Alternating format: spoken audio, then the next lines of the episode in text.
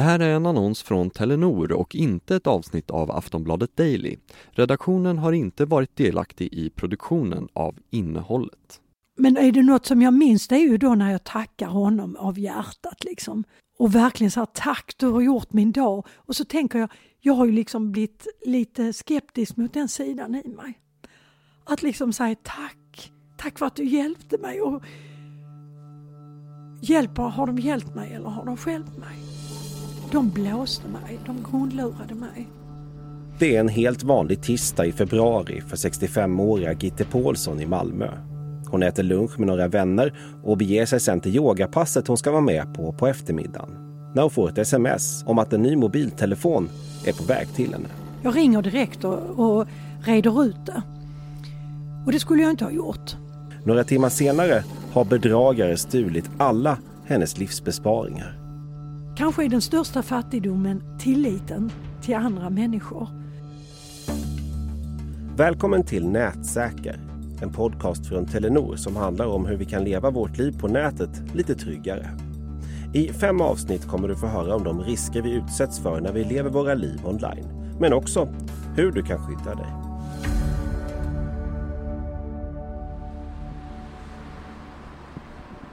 Den här berättelsen börjar med att Gitte Paulsson får ett sms från vad hon tror är Telenor om att de ska ha godkänt hennes ansökan om ett nytt abonnemang och att en ny mobiltelefon är skickad till henne. Jag heter Gitte Paulsson, jag är artist, musikterapeut och har jobbat med musik hela mitt liv. Och eh, bor i Malmö. Jag eh, har eget företag och så är jag anställd i Ystad kommun som musikterapeut halvtid. Alltså det var ju en ganska så eh, vanlig dag. Jag hade varit eh, ledig faktiskt. Och precis innan jag skulle gå på yogan klockan 16 så fick jag ett sms om att eh, det, stod, det var från Telenor, det låg i samma linje som Telenors eh, smsen som jag får från dem. Och då stod där att eh, nu har vi godkänt din ansökan om ett nytt abonnemang och skickar en iPhone eh, 14 Pro tror jag det var eh, till dig.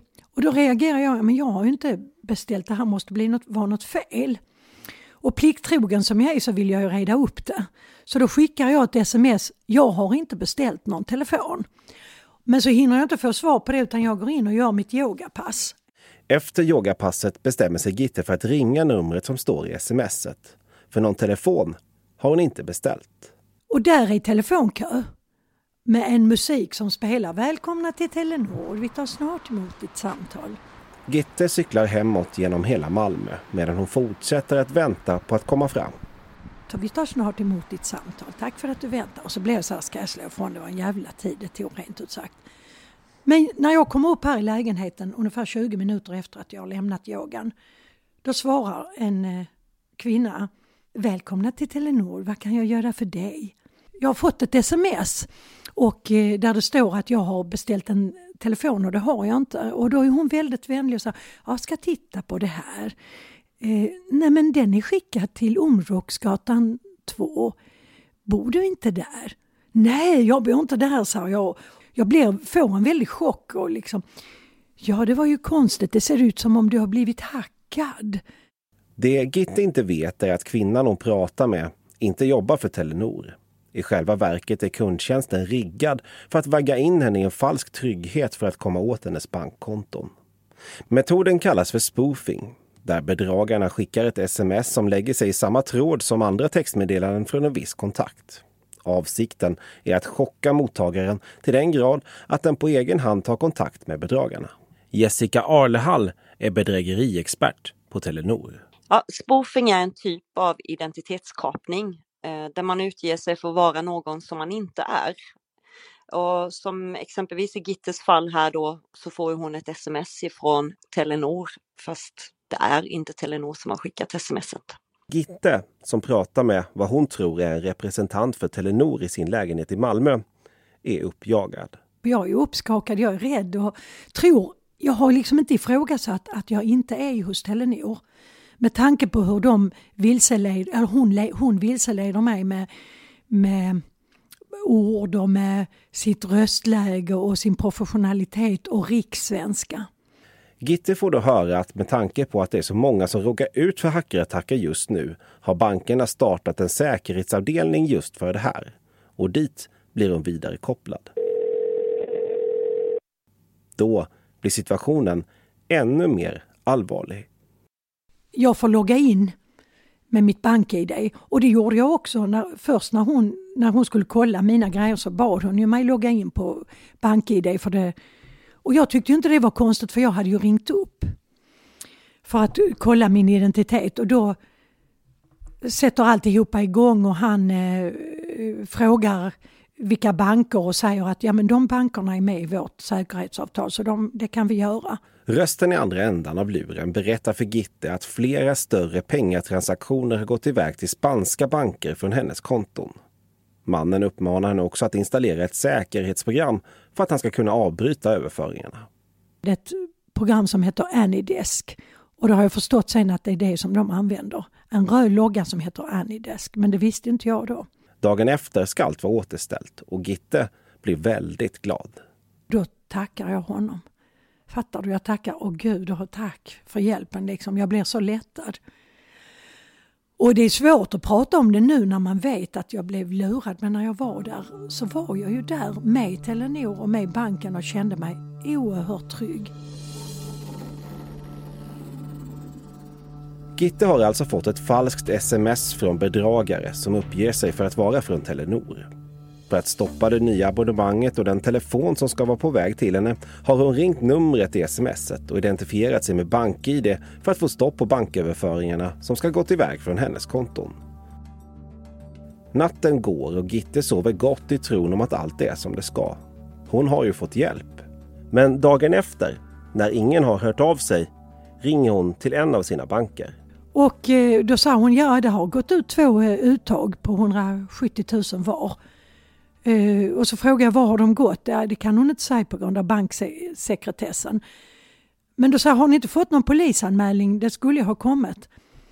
Nej, vi vet ingenting alls, nej. Gitte är ändå lugn. Polisanmälan skulle dröja ett tag. Men när hon kontaktar sin andra bank, där hon också är kund, så får hon ett illavarslande svar. Och det är det som fick mig att reagera ännu mer.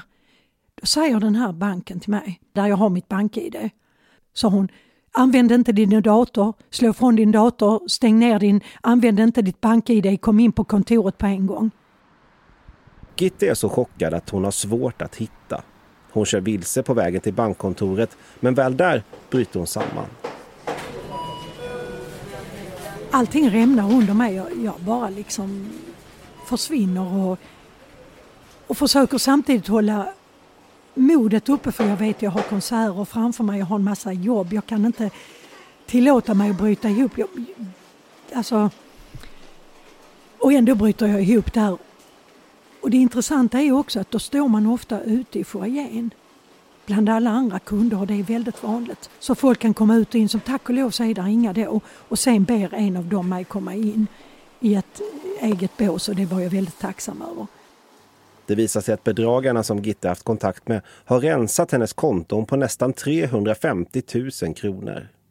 Pengar som hon sparat hela sitt liv och som skulle gå till kulturprojekt och till när hon blir pensionär.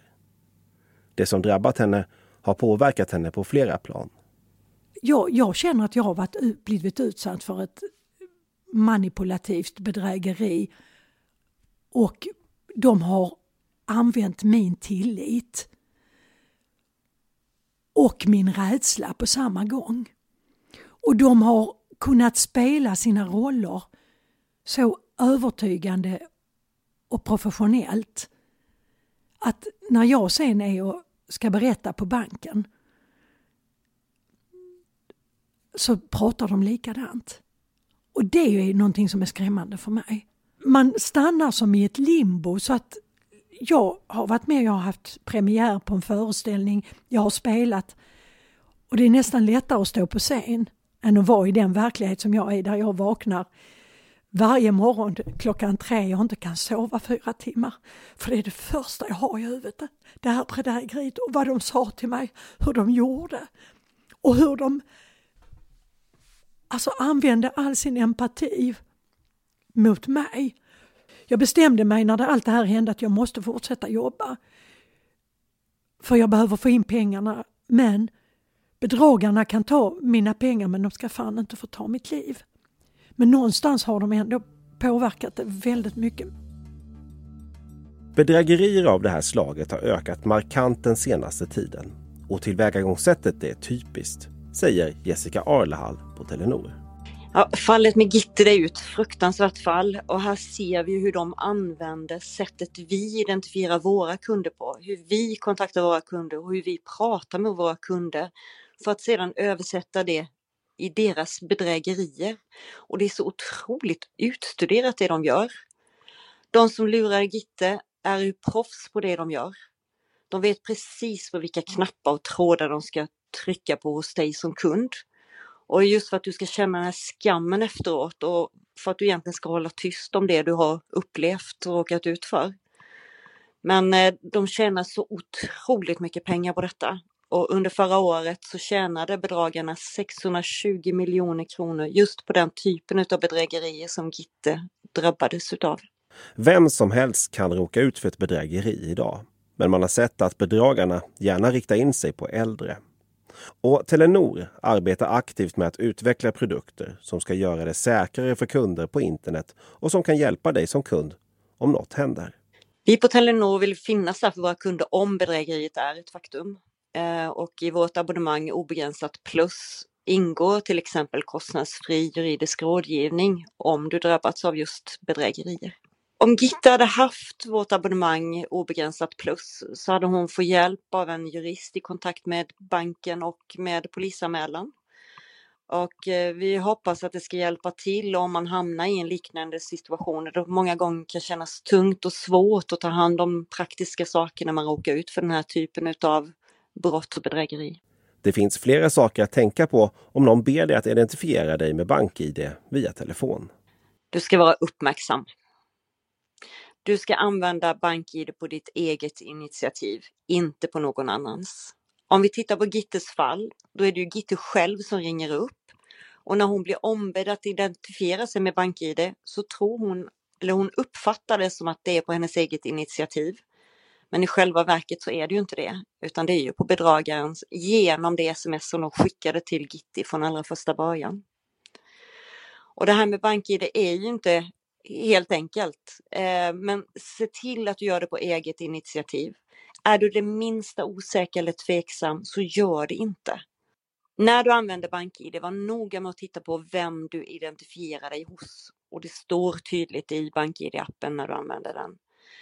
Är det Telenor du pratar med så ska det stå att det är Telenor som vill identifiera dig och inte något annat företag eller bank eller någonting annat. Står det något annat så är det någonting som är tokigt och då ska du inte gå vidare. Och om du drabbas av ett bedrägeri, så håll inte tyst. Ja, det första du ska göra det är ju att polisanmäla. Eh, kontakta det företaget som du är drabbad hos och sen prata med nära och kära. Var inte tyst om det som du har råkat ut för. Och har du ett obegränsat plusabonnemang hos oss eller någon av våra tilläggsförsäkringar så kontakta vår försäkringspartner HELP så får du hjälp av en jurist. Och det får du inom en arbetsdag. Och alla kontaktuppgifterna hittar du på telenor.se. Gitte Paulsson i Malmö har nekats av banken att få tillbaka pengarna hon förlorade den där tisdagen i februari. Men hon har överklagat och hoppas att hon på något sätt ska få tillbaka sina livsbesparingar.